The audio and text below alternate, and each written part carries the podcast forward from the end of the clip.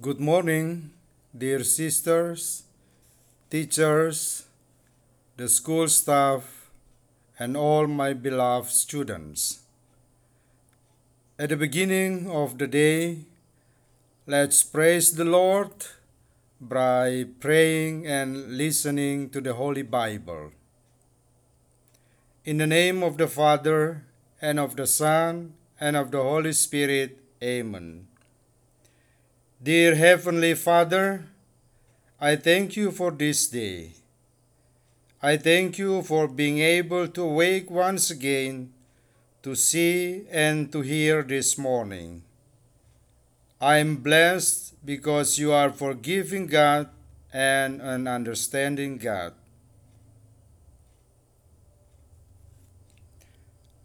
The Lord be with you and also with you.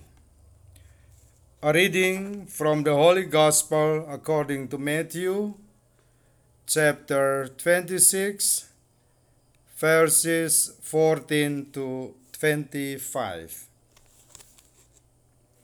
Then one of the twelve, called Judas Iscariot, went unto the chief priests and said unto them, What will you give me?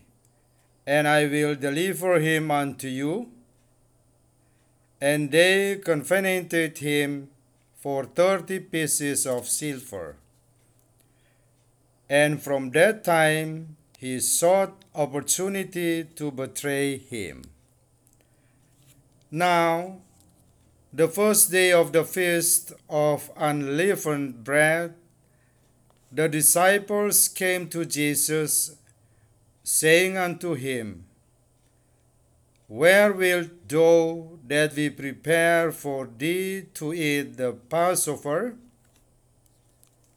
And he said, Go into the city to such a man, and say unto him, The master said, My time is at hand.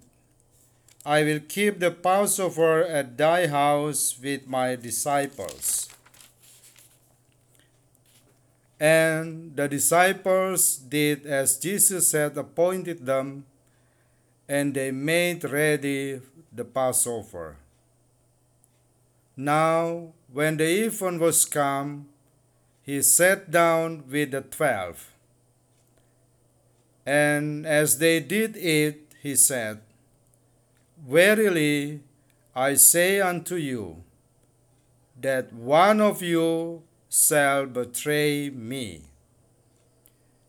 And they were exceeding sorrowful, and began every one of them to say unto him, Lord, is it I? And he answered and said, He that dippeth his hand with me in the dish, the same shall betray me. The Son of Man goeth as it was written of him. But woe unto that man by whom the Son of Man is betrayed. It had been good for that man if he had not been born. Then Judas, which betrayed him, answered and said, Master, is it I? He said unto him, Thou hast said. This is the gospel of the Lord. Praise to you, Lord Jesus Christ. Suster, Bapak Ibu, guru, Bapak Ibu karyawan, dan anak-anak sekalian yang terkasih. Hari ini kita mendengarkan kisah pengkhianatan Yudas Iskariot. Pengkhianatan Yudas Iskariot terhadap sang gurunya, Yesus Kristus, membuktikan bahwa dia memiliki rencana sendiri guna mendapatkan uang sebesar 30 keping perak. Untuk apa uang itu? Tentu saja bukan untuk pelayanan dan perhatiannya terhadap orang-orang miskin, namun demi kepentingan pribadinya. Dewasa ini, kasus pengkhianatan dalam berbagai bentuk terjadi di mana-mana. Pengkhianatan terhadap sesama tetap saja terjadi dengan berbagai alasan. Apakah kita pernah melakukan pengkhianatan terhadap iman, jabatan, keluarga, tugas, dan tanggung jawab kita?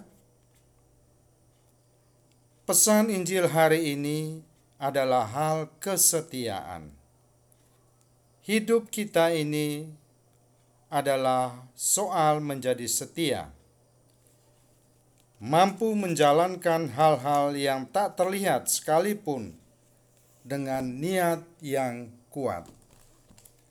Kesetiaan menuntut kerendahan hati. Terima kasih. Let's pray. Lord Jesus, Please keep me safe from all danger and harm. Help me to start this day with a new attitude and plenty of gratitude. Let me make the best of each and every day to clear my mind so that I can hear from you. Please broaden my mind and I can accept all things. In the name of the Father, and of the Son, and of the Holy Spirit. Amen. Selamat pagi, selamat berkarya, Tuhan memberkati.